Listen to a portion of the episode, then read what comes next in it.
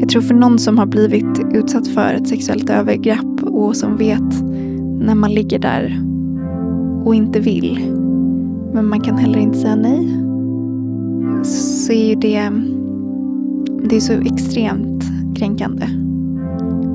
Ehm, så han fick göra sin grej. Och när han var klar så vände han sig om och somnade. Och jag men började ju såklart gråta. Eh, som jag hade gjort så många gånger efter att vi hade haft sex. Eller att han hade haft sex med mig. Och låg ju istället där liksom och grät i min kudde. Och intalade mig själv att om jag bara gör bättre imorgon så behöver det inte bli så här. Kära lyssnare. Det här är ett otroligt starkt avsnitt med den fantastiskt modiga Elin Ribier som också råkar vara en av mina absolut bästa vänner.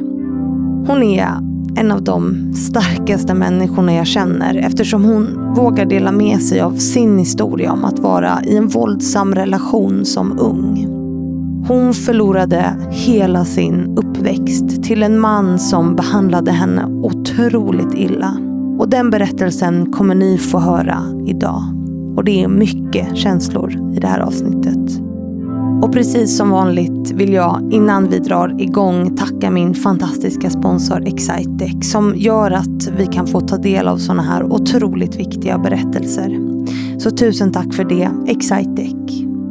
Men nu, kära lyssnare, precis som vanligt, rätta till lurarna och dra upp volymen. För här kommer ett avsnitt med Elin Rib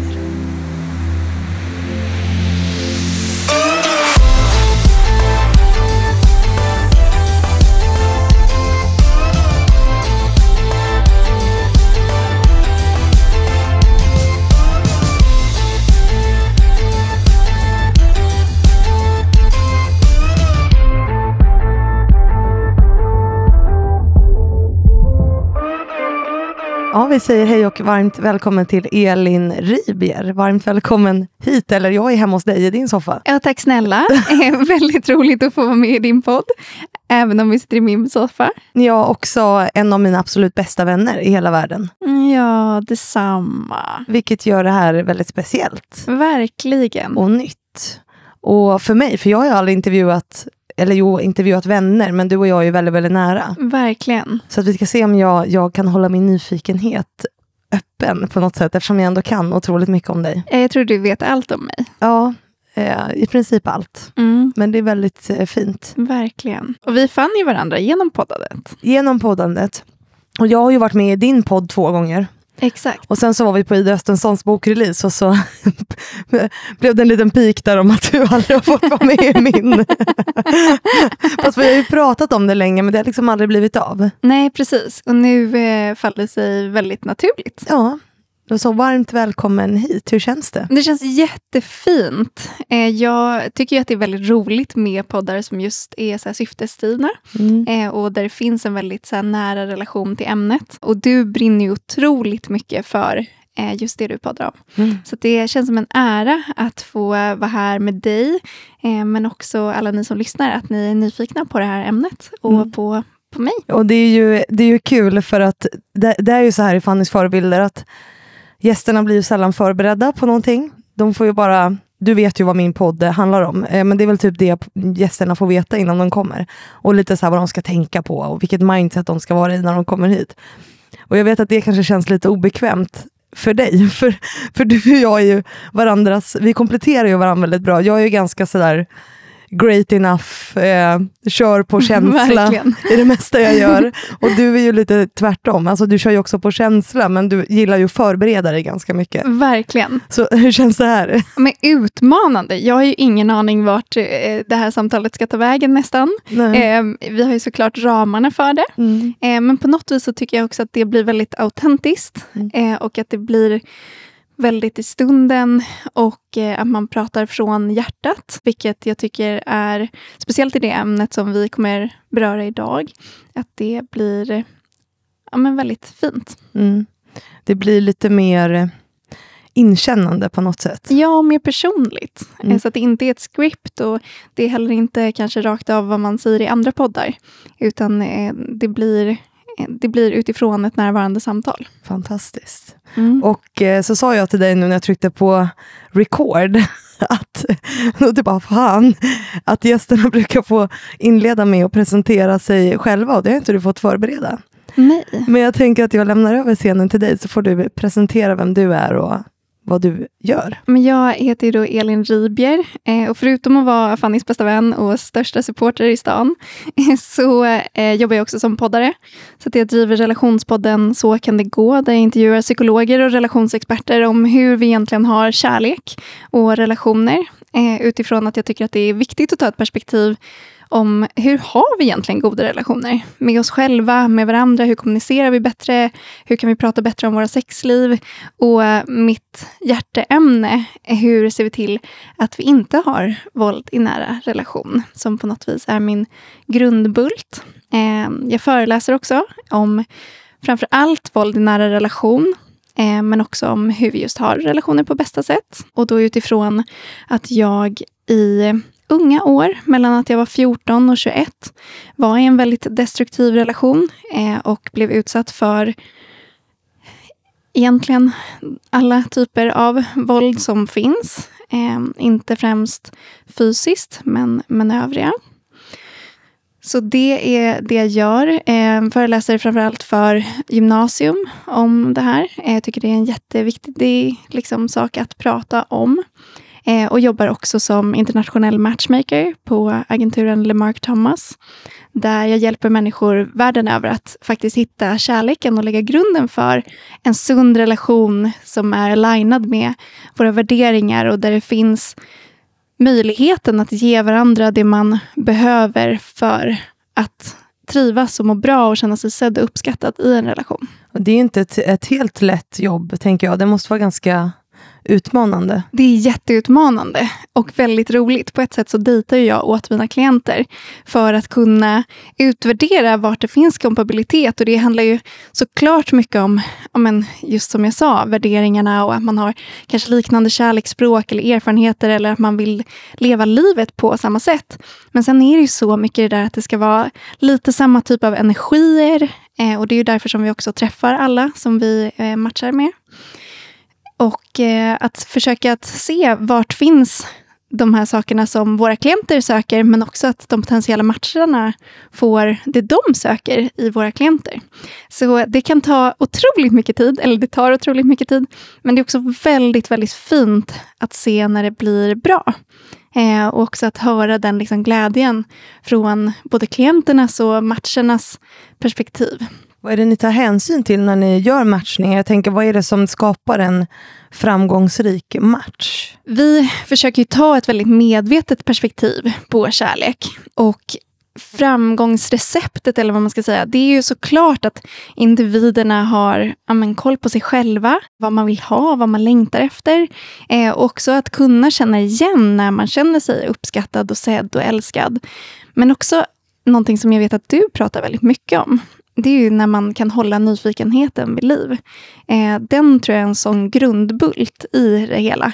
Eh, och att snarare fokusera på likheterna på en första dit.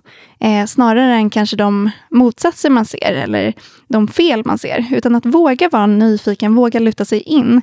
Och sen har ju vi sett till att värderingarna finns på plats, att man vill leva liknande liv, att man vill ha barn eller inte och alla de sakerna. Vi försöker ju också i viss mån ta hänsyn till kärleksspråken, vilket innebär att man visar kärlek på liknande sätt, så att man har förutsättningarna för att faktiskt känna sig sedd, uppskattad och älskad. Annars är ju det en väldigt vanlig grej, att man med tiden tappar just den där uppskattningen, eller känslan av uppskattning.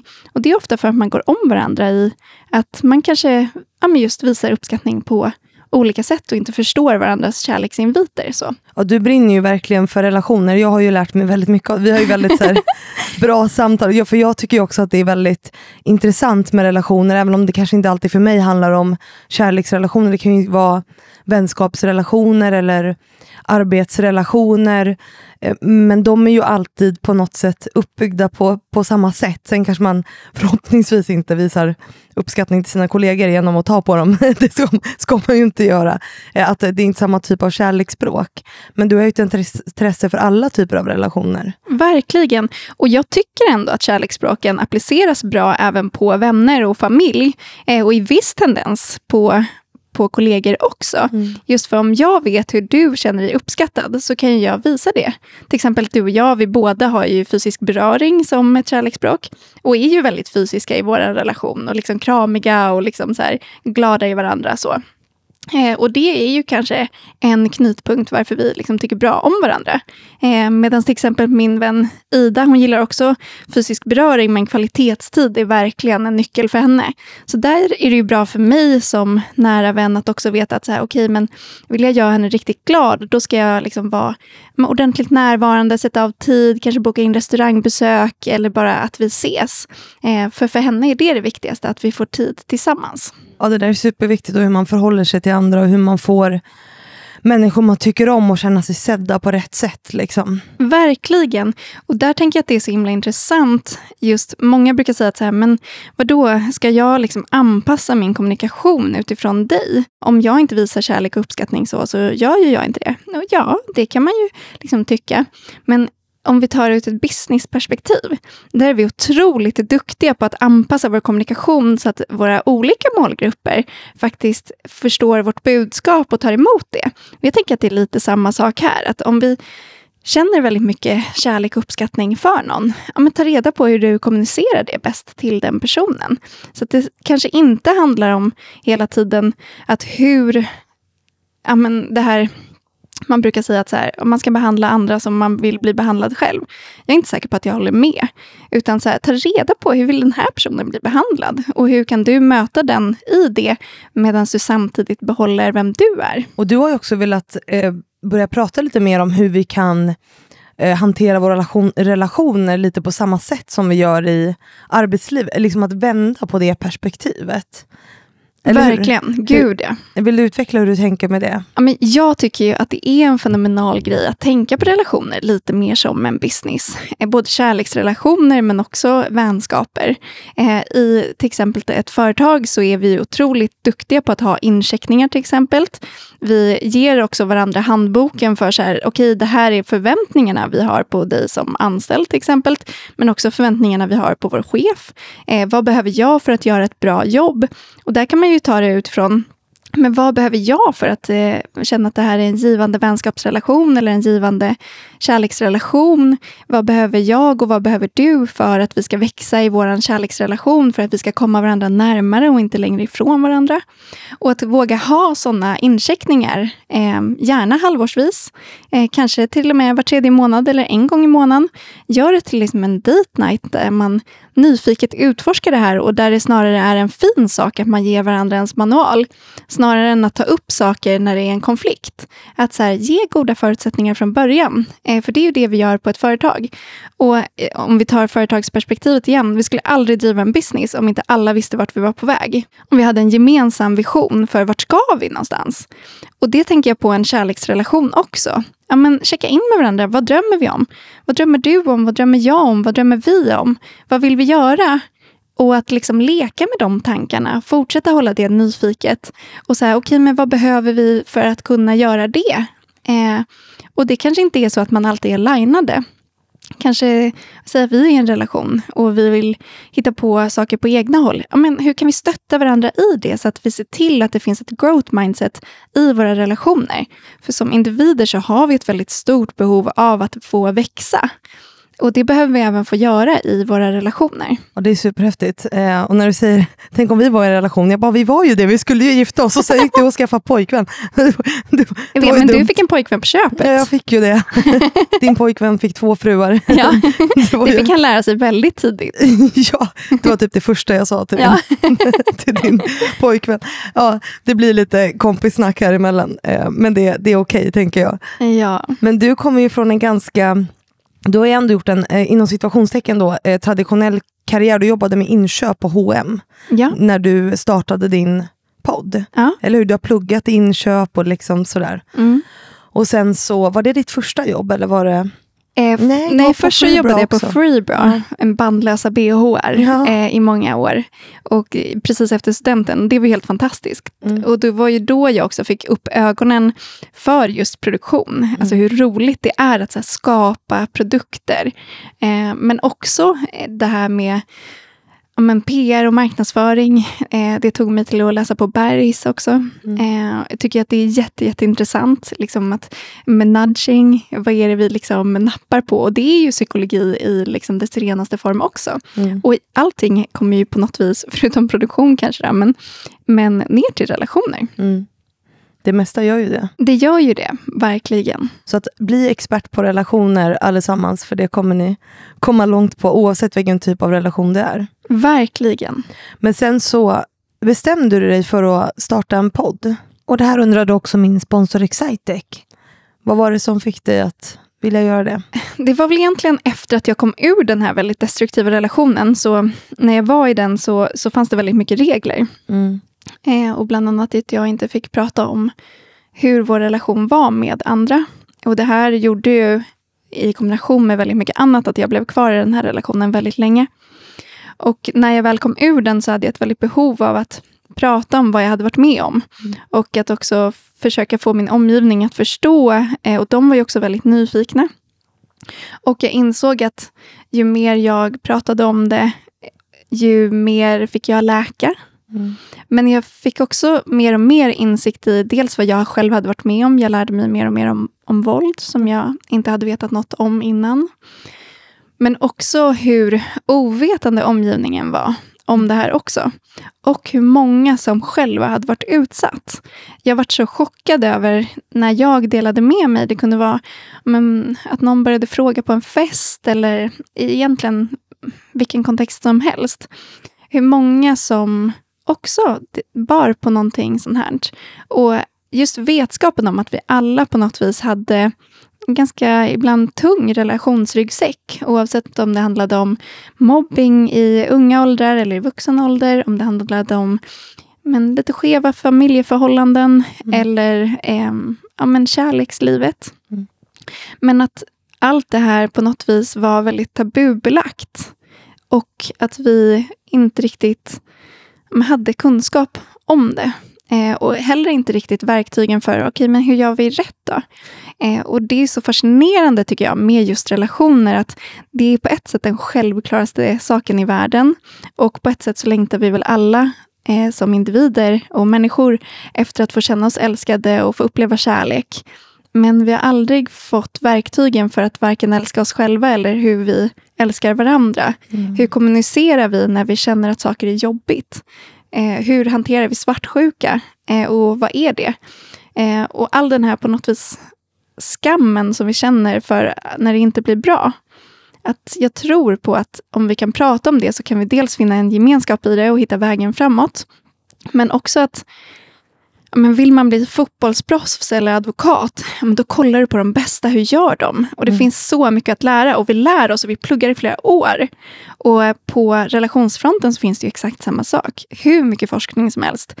Hur mycket verktyg som helst för att bli riktigt bra på det här. Mm. Eh, så jag ville ge men mig själv, men också lyssnarna de här verktygen. Så att vi inte bara får nycklarna från vänner som kanske också bär på sår och att det blir utifrån deras perspektiv, utan att vi får det från de som faktiskt kan. Eh, man pratar ju om det här med 10 000 timmar för att bli expert på någonting. Mm. Detsamma gäller ju för relationer. Mm. Och att se det som ett område där vi kan växa. Mm.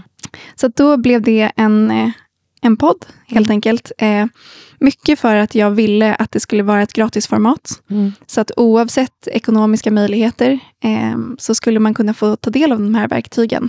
Och inte bara i psykologstolen som ibland kan vara ganska dyr. Mm. Ja, det kan det vara. Mm. 100 procent. Ja. Men jag tänker att vi behöver backa bandet nu då och prata om den här relationen som du var i. Eh, I väldigt ung ålder. Verkligen. Så jag tänker, liksom, hur, hur började den? Men jag var 14 år gammal och eh, var ja, men vid den tiden väldigt liksom, social, extrovert, eh, väldigt liksom, levande och nyfiken på livet, men också väldigt osäker. Eh, det är en ålder när man försöker förstå vem man är eh, och var väl kanske en tjej som inte vågade ta allt för mycket plats om jag inte kände mig trygg, men som också hade mycket vänner omkring mig, både tjejkompisar och killkompisar. Och eh, i den miljön som jag rörde mig så var det kanske inte en så stor bredd och nyans av individer. Utan på skolan jag gick på där men killarna hade skjorta och backslick. Eh, på onsdagar så hade vi uniform. Eh, och jag var då på en fest och in kom en kille som men, stack ut från vad jag var van vid. Eh, han var men, en vältränad hockeykille i eh, linne, så här, solbrun och härlig. Eh, han hade dagsvax i håret och en cool, liksom, så här, ni vet, lite sparkig frisyr nästan. Eh, och eh, han hade liksom, men, diamantörhängen i öronen. Och, ja, men, stack verkligen ut. Och från sekund ett nästan när vi såg varandra så fick vi verkligen upp ögonen för varandra. Och jag var ju en romantiker även då, eh, men framförallt från film. så. Eh, och hade ju mest fått kärlek porträtterat till mig därifrån, förutom ja, men, relationer runt mig. Och han var den första som verkligen fick mig att känna mig sedd. Eh, och fick mig att känna mig som kvinna på ett sätt. Eh, och, ja, men han hade bara ögon för mig och var extremt nyfiken och fick mig att känna mig som liksom on top of the world. Så ja, men jag tror att vi pratade dygnet runt liksom första veckan innan han frågade chans på mig. Eh, och jag sa ja. Och sen fanns det liksom inget annat. Och vad hände sen? För att han var ju fantastisk i, i början så att säga. Du Mm. var 14 år, det är din första stora kärlek. Liksom. Verkligen. Och han var också äldre. Så han, med tiden så kom det ju att han menade ju på att jag inte visste hur relationer var, men att han liksom kunde visa mig. Och, och han blev ju på något vis min role model i det hela. Eh, men ganska snabbt så kom det väl kommentarer som så här, ganska oskyldiga kan man tycka. Att, ja men, ska du inte vara med mig istället för dina kompisar i helgen? Och vi bodde i olika städer och jag saknar dig så mycket. Och eh, vill du inte vara med mig? Och det är klart jag ville vara med honom, så då prioriterade jag honom framför mina vänner. Eh, och sen kom det kommentarer som att, för jag hade mycket killkompisar även vid den tiden, att han inte litade på att jag skulle umgås med dem för att han menade på att ja, men jag litar ju på dig men jag litar inte på dem för jag känner inte dem och jag vet vad killar vill göra med tjejer. De är inte dina vänner egentligen utan de vill bara ligga med dig eller vad det kunde vara. Ganska snabbt men med liksom eh, små ord så fasade jag ut många av de här killarna. Eh, mest för att jag ville att han skulle känna sig trygg. Eh, så till en början till synes oskyldigt så.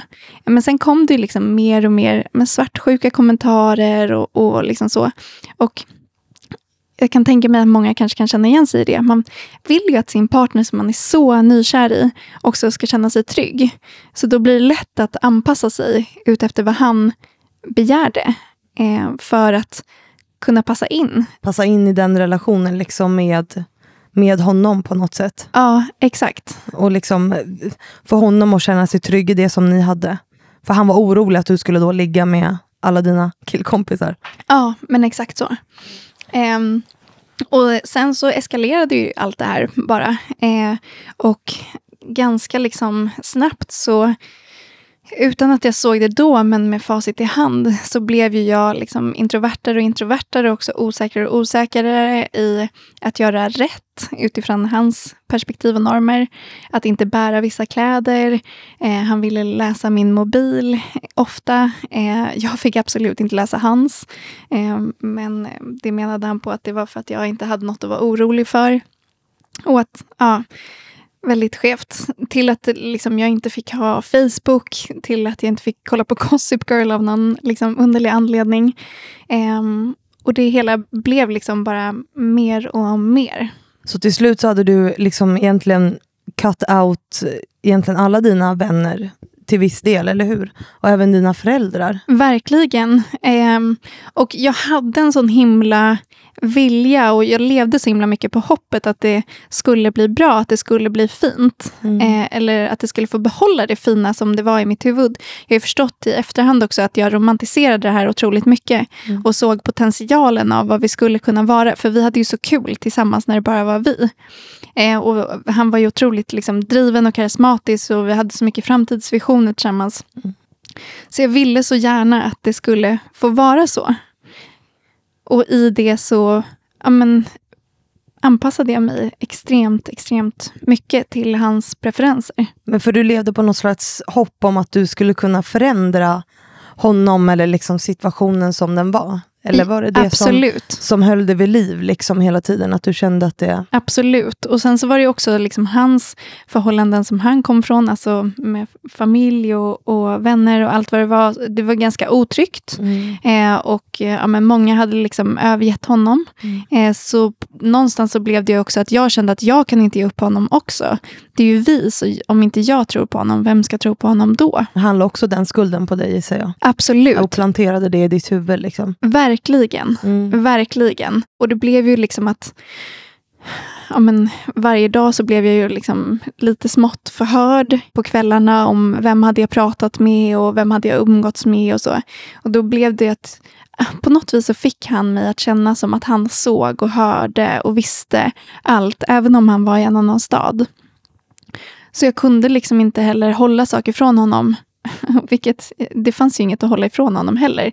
Men han lyckades liksom se små tecken eller tendenser på att jag gjorde fel eller var otrogen eller vad det nu kunde vara i väldigt många situationer. Mm. Så på ett sätt idag så känner jag som att jag gick miste om att vara tonåring. Mm. För att jag fick inte utrymmet att men bara bilda mig själv en uppfattning om vem jag ville vara som individ. Jag fick inte utforska, jag fick inte vara på festerna. Eh, jag fick inte ha vänner i den utsträckningen. Och då kan man ju undra, så här, okay, men varför är man kvar i något sånt här? Mm. Men dels så, så var det mycket hoppet. Eh, dels så blev det att jag blev väldigt isolerad. Så till slut så var det ju känslan av att jag bara hade honom också. Mm. Och i en sån här relation så är det väldigt lätt att den här personen som är väldigt manipulativ. Det är också det som är grejen, att saker är väldigt subtilt. Det är svårt att sätta fingret på vad det är och det var många gånger som jag kände att, men gud, inbillar jag mig bara? Eller liksom, det kanske bara är jag. För att det gick liksom inte riktigt att sätta fingret på vad det var. Det där är också ett problem, tänker jag, att av samhället i stort så tänker man ju mäns våld mot kvinnor, eh, våld i relationer. Vi ska inte eh, säga nära relationer tycker jag, därför att det är inte en, alltså, en nära relation har ju inget våld liksom, oavsett. Men, men just den här typen av våld anses ju av samhället kanske inte att vara, förstår du vad jag menar? Att du har ju liksom inte blivit i den utsträckningen slagen med knytnävar. Förstår du vad jag menar? Även om han väl var fysiskt våldsam också. Han kastade saker och, ja, och mig. Som, och dig. Ja till viss del. Hur vanligt var det? Det var väl inte jättevanligt, men det blev vanligare mot slutet. Mm, det liksom eskalerade. Ja, precis. Men det kanske hängde ihop med din frigörelse också, eller nu lägger jag orden i din mun. Men... Både ja och nej. Utan det blev ju att det kom fram sidor av honom som inte fanns där från början, eller som mm. han i alla fall inte visade från början. Jag visste ju om dem i form av att han men, på helgerna kunde hamna i ett slagsmål liksom, på en fest. typ. Men, men aldrig mot mig och i det kände jag mig väldigt trygg på något vis. Att så här, men han skulle aldrig skada mig. Men sen blev det när han fick sina liksom, raseriutbrott och när liksom, ögonen gick från att vara de här snälla, mm. fina ögonen till att vara helt svarta. Mm. Så kunde det bli att han liksom, i all raseri liksom bara tog mig och slängde ner mig på soffan eller puttade in mig mot en vägg och, och liksom sådana saker. Mm. Eh, men det var mer typ hoten om slag utan att han sa att han hotade med det. Alltså typ att men jag vet ju flera gånger när jag liksom, men typ stod mot en vägg och han liksom stod och typ spottade och skrek en i ansiktet. Mm. Och liksom, ja, men istället placerade ett slag i väggen precis bakom. Så det var ju hela tiden liksom rädslan om vad han skulle göra. Mm. Jag försökte ju att lämna den här relationen i strax över fem år. Mm. För ni var ihop hur många år? Nästan åtta. Ja. Um, men det var svårt på egen hand. Och det fanns ju också liksom hot om, om att han skulle skada sig själv. Mm. Och i någon mån liksom hot om att skada mig också. Mm. Eh, att om jag inte liksom skulle vara hans så skulle jag inte vara någon annans heller. Eh, och, och sådana saker. Eh, så det blev ju väldigt liksom labilt. Eh, och då hade det ju redan gått till en plats där, ja, som jag sa, att han var verkligen min kompass i saker. Så jag var också så rädd för så här, vem skulle jag vara utan honom. Han, han var ju väldigt tydlig med att jag var värdelös eh, utan honom. Och när man bara pratar om det så här så kan det låta så här, men snälla. Om någon säger det, du behöver ju inte tro på det. Men när man upprepar saker gång på gång och ofta i en kombination med extremt mycket kärlek och uppskattning så blir det på något sjukt sätt psykologiskt att man tror på det. Ja, och det där sker ju successivt. Alltså det är ju en tänker jag, normaliseringsprocess. Liksom, att man manipuleras in och, och tror på de här sakerna i kombination med kärlek, som du säger. Att man blir lyft till skyarna och sen liksom sänkt till botten på något sätt. Verkligen så. Och på något vis så tror jag väl att om han hade men, slagit mig eller varit väldigt fysiskt våldsam tidigt så vill jag tro att jag hade liksom fått ett tydligare tecken på att det inte var okej. Okay. Det var ju någonting man hade pratat mycket om liksom i min familj. Att det aldrig är okej okay att slåss. Uh, och speciellt inte liksom för uh, män att slå kvinnor. Uh, men det skedde ju liksom inte tidigt. Och det var ju länge efter den här relationen som jag kände att så här, undra om jag någonsin kommer att kunna känna mig så älskad som han fick mig att känna mig. Och jag förstod liksom intellektuellt att det inte handlade ju om kärlek egentligen, utan snarare var det en relation fylld av makt och kontroll. Och jag vill inte säga att det var en kärleksfull relation idag, men när det blir så starka toppar och så extrema dalar så känner man så otroligt mycket på så kort tid. Mm. Att jag tror att vi väldigt lätt kan förväxla det med att det är liksom passionerat. Eller ja, men också att man har liksom, ja, men, liksom otroligt liksom makeup-sex eh, emellan. Alltså allt sånt. Att det då är ett tecken på kärlek. Medan det inte är det. Och Jag tycker att det är viktigt att prata om det här som du har gjort nu. Alltså att för argumentet blir ju ofta så här, varför lämnar hon inte bara? Liksom. Det är ju något man hör väldigt ofta. Alltså jag kan bara... inte ens räkna hur många gånger jag har fått den frågan. Nej, precis. Och det är ju eh, det är ju superhemskt för då lägger man ju ansvaret på helt fel ställe till att börja med och sen måste man också få förståelse för att det inte bara är att lämna. Nej. Att det inte är så lätt. Alltså när man är så nedbruten och som du säger att man är så här, jag är ingenting utan hon, honom. För det är, och det är det han har vill, velat få dig att känna. Liksom. Mm. Då är det ju inte lätt och framförallt inte när man är 14 till plus 8, det är 22. Mm. Eller hur? Ja. Ja, ja. Det är ju hela ditt liv som har format dig som människa. På, alltså det är den tiden man växer upp på något sätt. Och att då sitta där och bara lämna, det är ju supersvårt. Verkligen. Men vad var det som fick dig till slut att lämna? För du sa att du försökte lämna relationen i fem år, men att det inte gick. liksom. Men till slut så tog det dig ut. Ja, eh, alltså det som också gjorde det svårt att lämna, det var ju också att han men, bönade och bad och lovade att inte upprepa de här sakerna. Vi kunde ändå ha en dialog så fort han gick över gränsen. Mm. Att det här var över gränsen. Eh, men då lovade ju han hela tiden att det inte skulle upprepas. Och han mm. kunde ändå se att han hade gått över gränser. Mm. Men det blev ju inte någon förbättring. Och det tycker jag är viktigt att också lägga in i ett sånt här samtal. För att det är så vanligt, eh, har jag hört när jag pratat med massa andra och också människor som forskar på de här ämnena. Att man lovar liksom guld och gröna skogar, man lovar förbättring, men man agerar inte på det. Man kanske agerar på det en kort tid, men sen faller man tillbaka. Mm. Och då har man hela tiden den fina tiden tillsammans som en stor krockkudde. Och man vill så gärna tro att det liksom ska vara vi. Um, men um, det var väl egentligen flera saker. Uh, jag men framför allt längtan efter att få vara levande. Mm. Alltså min värld hade blivit så liten och jag hade gått miste om så extremt mycket. Så att jag bara längtade efter att få utforska världen och utforska mig själv. Att jag insåg att jag måste börja prata. Jag måste ta hjälp. Så jag satt ner med, med en av mina bästa kompisar och men hon hade väl anat, de flesta runt omkring mig hade ju anat, men jag hade verkligen nekat. För jag förstod också att om jag berättar det han gör så kommer ingen tillåta mig att vara med honom. Och jag ville ju fortfarande tro på honom. Men någonstans här så hade ju hoppet börjat lämna mig, tack och lov. Och jag förstod att det inte skulle bli bättre, utan det blev ju bara sämre och sämre. Och när man har blivit liksom sexuellt utnyttjad extremt många gånger Eh, och när man har blivit liksom inlåst i lägenheter och inte fått vara med eh, och blivit ja, förminskad på ett otroligt sätt. Då, för mig nådde det i alla fall en, en botten. Så då, ja, men, jag gav väl henne knappt ett lillfinger och hon tog hela min hand.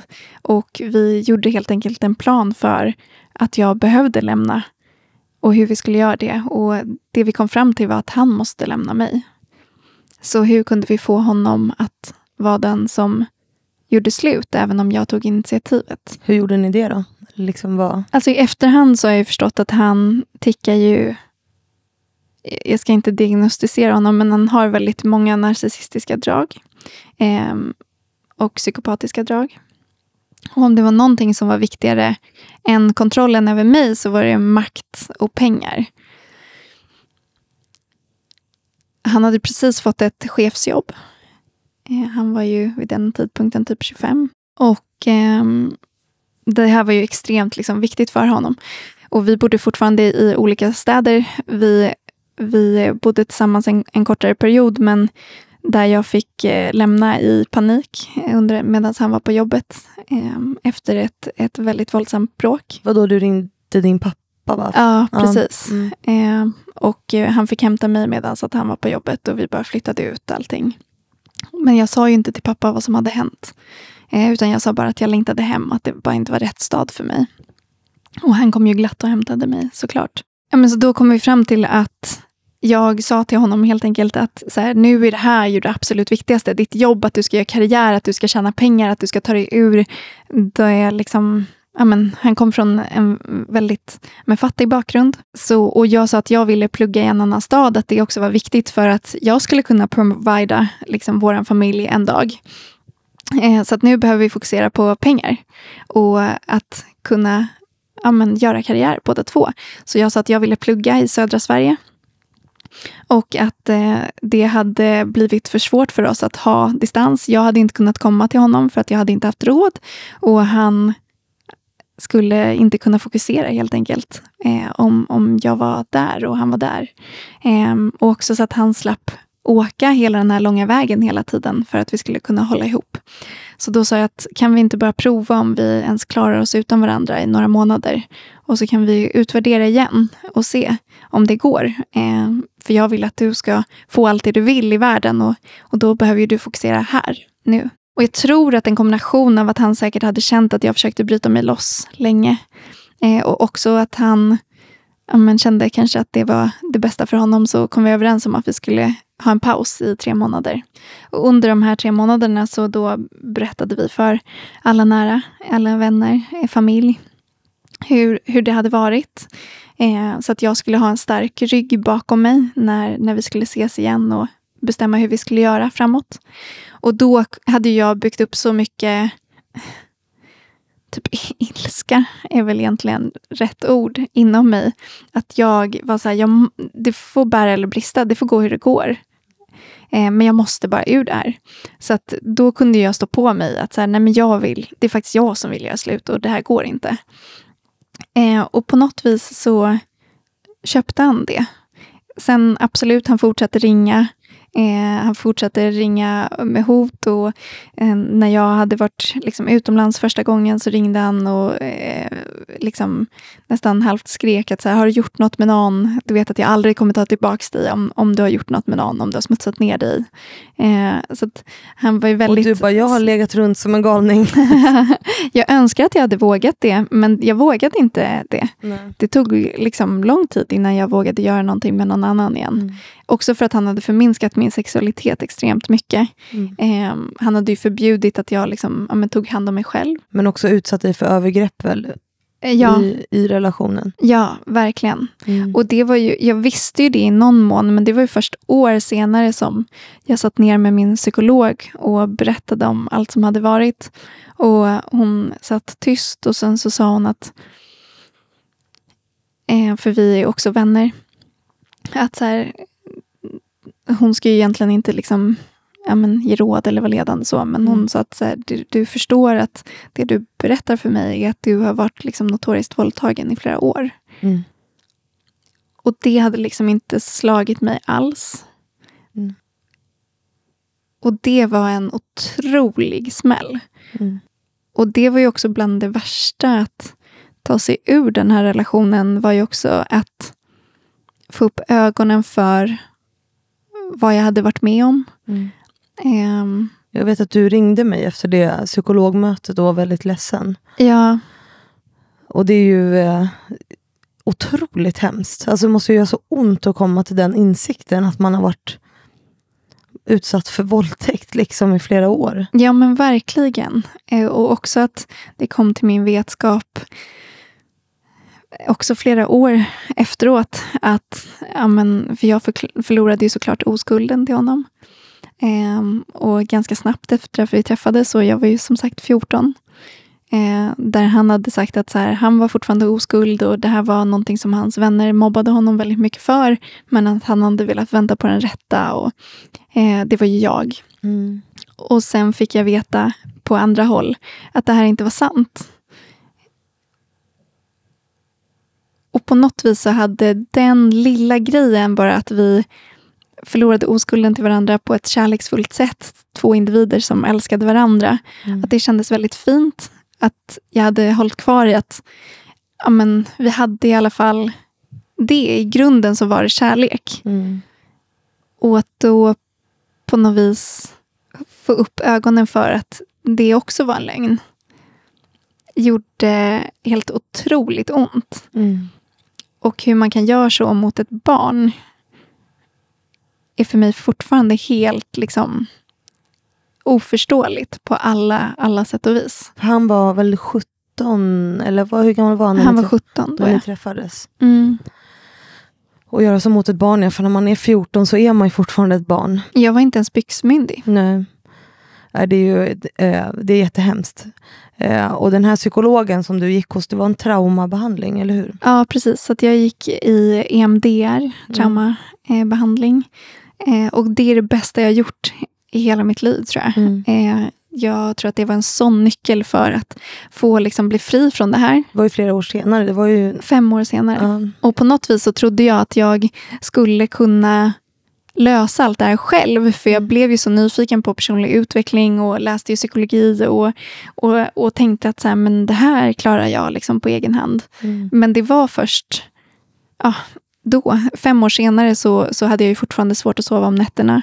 Drömde hela tiden att han men, gjorde någonting för att göra mig illa. Eh, att han försökte skada mig, ibland att han försökte döda mig. Eh, ibland i drömmen att jag försökte skada eller döda honom för att bli av med honom. Mm. Men att det aldrig liksom gick. Mm. Så jag insåg att okej, okay, men jag måste nog gå till en psykolog för att i alla fall prova och se om, om det här kan göra mig fri i sinnet. Mm. För så här kan jag inte leva. Det gick ju också ut över liksom, min relation som jag hade då. Eh, och att bara få så här, återta mig själv. Mm.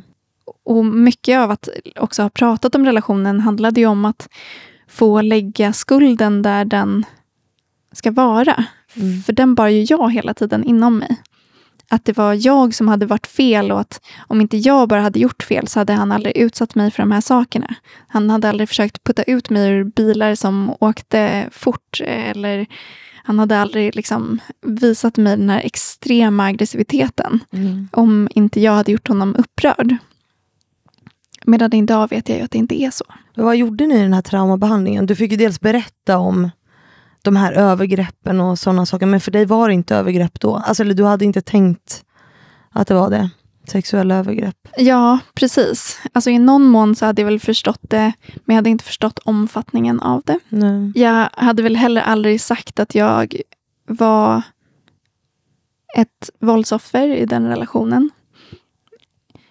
Och det var ju också en sån otroligt speciell insikt. Att inse att jag hade varit utsatt. Mm. Jag tror att väldigt få personer som är i en sån utsatthet vill säga att man är eh, utsatt av sin partner. Det, för på något vis så är det ju inte kärlek då. Som man vill att det ska vara. Men eh, EMDR går då ut på att du går in på de djupaste traumorna och sen så, jag skrattade faktiskt ganska mycket åt det här innan och tänkte att det här kommer aldrig hjälpa. Mm. Eh, men man, psykologen då eh, för liksom fingret framför ögonen och man får följa med fingret eh, från höger till vänster. Mm. Fram och tillbaka, fram och tillbaka många gånger. Och det som händer är att du är i de här känslomässiga minnena. Du kanske är mitt i gråten, du kanske är mitt i traumat själv emotionellt. Man liksom återbesöker de här känslomässiga platserna. Mm. Och när man för eh, blicken från höger till vänster så aktiverar också eh, den andra hjärnhalvan. Vi har ju en hjärnhalva som är det känslomässiga minnet och så den andra som är det intellektuella. Så att du aktiverar den intellektuella halvan av hjärnan. Så att du kan intellektualisera, du flyttar liksom minnet från att vara enbart känslomässigt laddad till att du kan intellektualisera det. Mm. Eh, och det är helt fascinerande, alltså det är helt otroligt hur bra det funkar. Det är jätte, jätte, jättehäftigt. Eh, verkligen. Vilka trauman var det du eh, tog upp? Liksom? Och kan du ge ett exempel på ett sånt som du tog upp med psykologen? Gud, alltså det fanns ju så många tillfällen. Alltså allt från bara att ja, men, någon gång när jag trotsade honom. Och eh, jag fick ju absolut inte gå på liksom, konserter och sådana saker. Men så skulle mina tjejkompisar gå på Summerburst och de var så här, du ska liksom med nu. Och jag ville ju jag ville inget annat än att faktiskt följa med. Så jag följde med eh, och var där. Och han ringde varje minut. Han ringde hela tiden. Och jag var ju såklart tvungen att svara för att en av de här sakerna i relationen var att jag behövde verkligen svara så fort han hörde av sig. Annars blev han så arg och jag visste vad som väntade efter. Men till slut så tog min vän min mobil och sa att så här, nu får du lita på att hon faktiskt bara är här med oss. Eh, och, och det kommer gå jättebra. Så. Men istället så körde han i, jag vet inte hur många blås från den andra stan. Kom dit och ja, typ halvt släpade ut mig från fältet. Skämde ut mig fullständigt för mina vänner. Och det jag skäms så mycket över idag är ju att där lämnade jag liksom kvar min lilla syster med mina kompisar blint. För att jag visste att det är bättre att jag bara följer med för att han kommer bli så arg. Och det är ju en av de gångerna som jag har aldrig sett honom så arg. Någonsin. Um, och det blev ju verkligen inte bra. Och även om det bara, bara inom situationstecken var liksom extremt mycket psykiskt eh, våld efter det. Eh, så gjorde det liksom extremt ont att veta att så här, jag är verkligen inte fri. Eh, så det var en av de grejerna som jag tog upp, eh, som såklart blir lite tagen ur sin kontext i det här. För att det är så mycket som bygger upp till, till den ångesten. Eh, men en annan gång var, jag fick ju aldrig liksom gå på festerna när jag var tonåring. Men när jag skulle ta studenten så hade jag liksom övertalat honom att vi skulle gå på den här festen. För att fira att jag och alla ja, i skolan skulle ta studenten. Och då eh, ville han verkligen följa med. Och jag var bara glad för det. Att så här, äntligen skulle vi göra något tillsammans. Äntligen skulle jag få visa för alla att så här, men kolla, han är så himla fin. Det är ju det här jag hänger med. Liksom. Det är honom jag är med och är så kär i. Och eh, innan dess så åkte han och jag till en bar. Jag var ju över 18 då. Och han sa att nu, Elin, nu ska du få festa. Så han beställde in liksom en shot, två shot, tre shot. Eh, Medan han drack inget. Han var nykter. Han sa att han skulle köra ikväll. var min taxi. Och på något vis vid han, femte shotten så började jag känna att så här, alltså jag började bli väldigt full. Jag var inte van vid alkohol. Det började vara lite obehagligt. Eh, jag sa att jag inte ville ha, men han sa att du ville ju festa. Nu ska du festa. Med en ganska hotfull ton. Men jag minns att jag lyckades liksom hälla ut den här 50 liksom en, ja, typ bakom baren. Eller en växt tror jag det var. Och sen så åkte vi till den här festen. Jag var ju redan ganska packad. Och snabbt så kom han med en ny drink. Och jag fick känslan av att det var liksom lite obehagligt nivå, alltså nivån han ville att jag skulle dricka. Eh, så jag började liksom hälla ut dem där och fylla upp med vatten och så. Men i övrigt så var det jättetrevligt. Eh, han socialiserade med alla. Jag kände att så här, åh, han umgås med människor som jag har tappat. Kanske jag kommer få tillbaka dem nu. Och så in kommer ett stort gäng. Och bland annat så kommer en kille där som jag, eh, jag var kär i när jag var 12 och han var kär i mig när jag var 12. Och han, hade ju, han visste ju allt om mig. Han hade ju frågat om allt och jag hade glatt berättat, delat med mig för honom. Och den här killen var ju en av dem som jag inte fick prata med. Eh, och aldrig gjorde heller. Jag undvek honom jämt i skolan. Tillsammans med alla andra killar för den delen. Men jag var glad i hatten och det var så bra stämning så jag gick fram och kramade alla som kom in i rummet, inklusive honom. Och det var mer drinkar och det var mer fest och eh, so far so good, trodde jag. Tills att det var dags att åka hem. Och när vi hoppar in i bilen så var det som att någonting bara switchade. Och jag har aldrig sett honom så mörk och han var så fruktansvärt arg. Och han menade ju då att jag hade kysst den här personen. Vilket aldrig någonsin skulle ha hänt. Det hade ju varit självmord, för det första. Ehm, och att jag inte hade något intresse för honom, för det andra. Ehm, och jag tror att han trodde väl att jag var fullare än vad jag var. Så han menade ju på att det här var sant, men jag visste ju att det inte hade hänt. Och det var liksom en av de första gångerna när jag verkligen fick det väldigt så svart på vitt, att så här, han verkligen manipulerar sanningen här. Och jag, blev, jag förstod inte alls. Men han var ju så extremt arg, Alltså fradgan bara sprutade. Så jag bara bönade och be, bad liksom om att han skulle sluta och förlåta mig. Och att jag aldrig liksom skulle göra så här igen. Men istället så började han köra fortare och fortare. Eh, och hotade med att liksom köra in i träden och, och skada oss båda väldigt mycket. För att inte säga att liksom, ta våra liv. Eh, han öppnade dörren i farten och hotade med att putta ut mig. Och han var, liksom, han var helt galen. Och till slut så lugnade det ner sig. Och vi kommer hem och han men, är tyst en stund och sen säger han att så här, jag aldrig liksom om det där. Lova att du aldrig gör mig så arg igen så att jag behöver skada dig.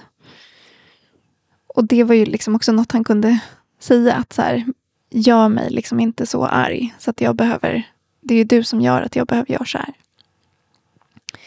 Så vi gick in och la oss och eh, skulle gå och sova och då, då var det snälla killen tillbaka.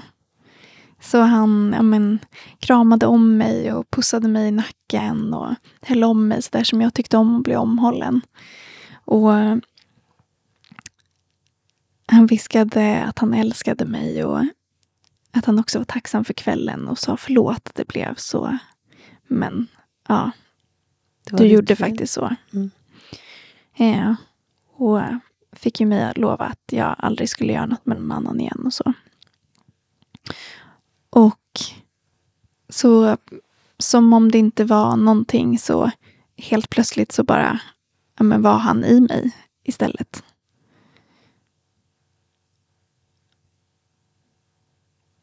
Och jag var ju bara liksom helt stel.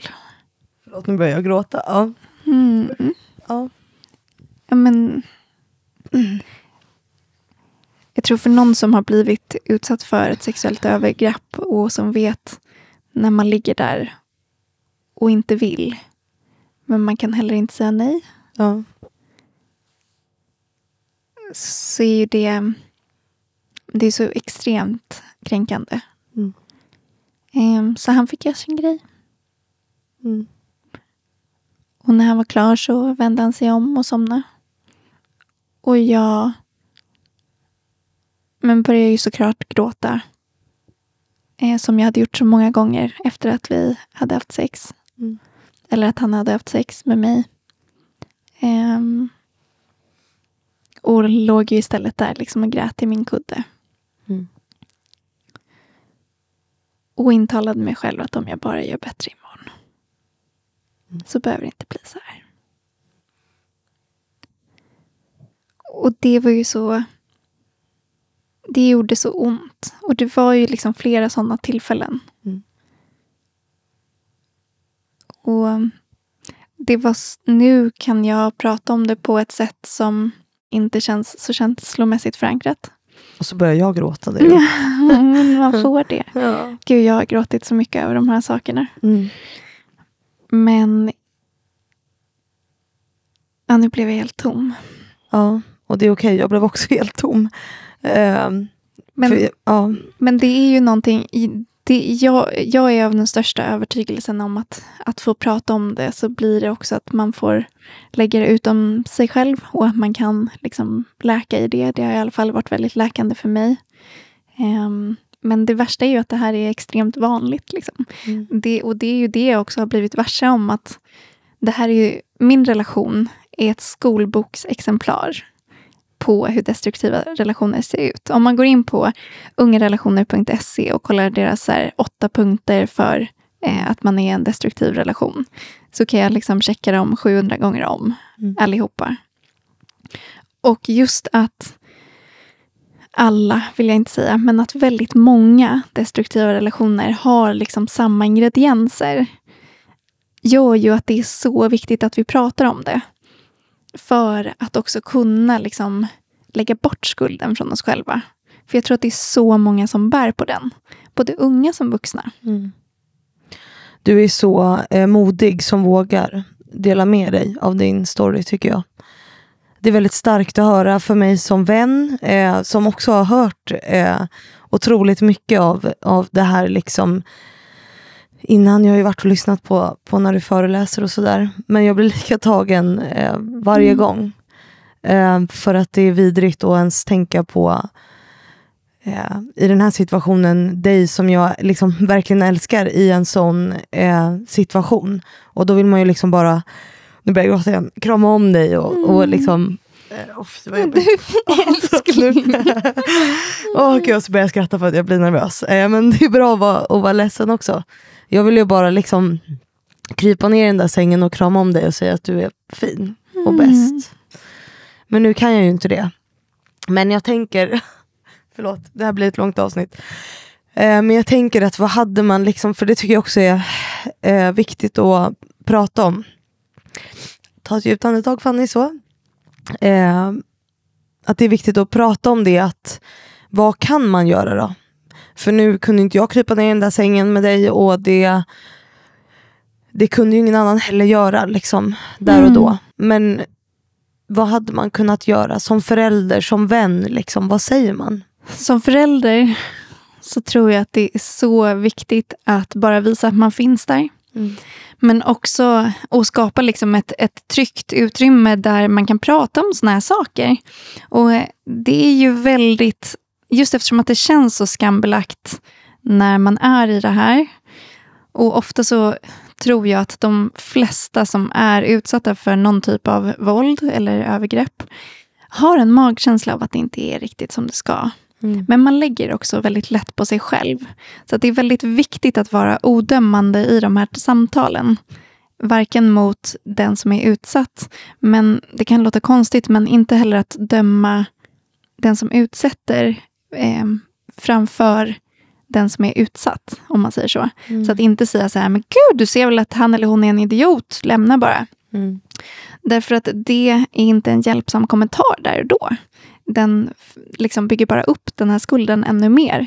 Eh, för om den är en idiot, är jag en idiot då också som väljer att vara med den. Blir ju känslan. Mm, såklart. Så att istället lyssna, fråga, eh, men också ta det eh, från andra perspektiv. Jag tror att det kan vara väldigt svårt att liksom säga de här sakerna högt. Som jag sa, jag vill inte identifiera mig som ett offer från början heller. Och jag tror att de flesta inte vill det. Så det kan vara svårt att också säga det högt, för då är det sant.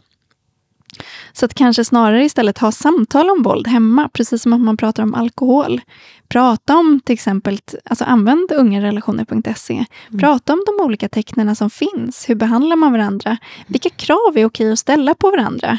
Är det okej att bara för att jag känner svartsjuka så har jag rätt att förbjuda dig att göra saker? Nej, mm. så är det inte. Utan då får man prata om men känslorna som kommer istället och hur man kan få varandra att känna sig trygga. Um, så att ge liksom exempel på vart gränserna går och var också bra role models. Alltså, har du som förälder en partner, var kärleksfull mot den partnern. Var kärleksfull mot dina barn, var respektfull, lyssna. Eh, är det konflikter, säg att ja, men, nu är vi lite oense om det här, men det är okej för att vi, vi väljer att prata om det istället. Mm.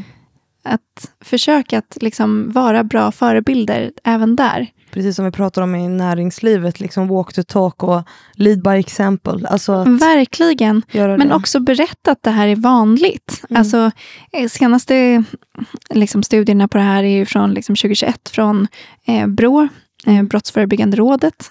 Går att gå in och läsa på deras hemsida. Fantastiska eh, rapporter.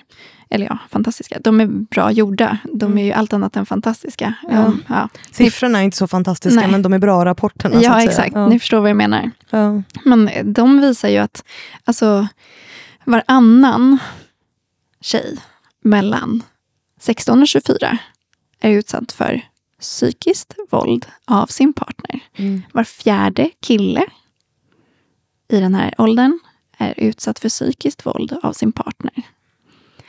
44 procent av tjejer mellan 16 och 24 är utsatt för sexuellt våld. Det är också nästan varannan tjej. Det är mm. väldigt hög statistik. Mm. 10 procent av killarna är utsatt för sexuellt våld. Och mm. nu kommer jag inte ihåg i huvudet eh, statistiken för fysiskt våld. Nej. Men ni förstår, det är liksom högt. Mm. Det har blivit normaliserat bland våra ungdomar. Och därför är det ännu viktigare att vi pratar om hur våldet ser ut, så att vi också kan känna igen det. Mm. Det var som att jag hade med panikångestattacker från när jag var 16 år, typ en gång i månaden. Men jag hade förlikat mig med tanken att ibland känns det bara som att min kropp ska kollapsa och dö. Mm. För jag visste inte vad det var. Ingen hade beskrivit för mig vad som händer när vi får svårt att andas och pulsen går upp. Att det är en panikångestattack. Mm. Så att, att vi också pratar om de här sakerna som kan vara otroligt känsliga att prata om. Otroligt jobbiga. Men att så här, det är okej att prata om det också. Mm.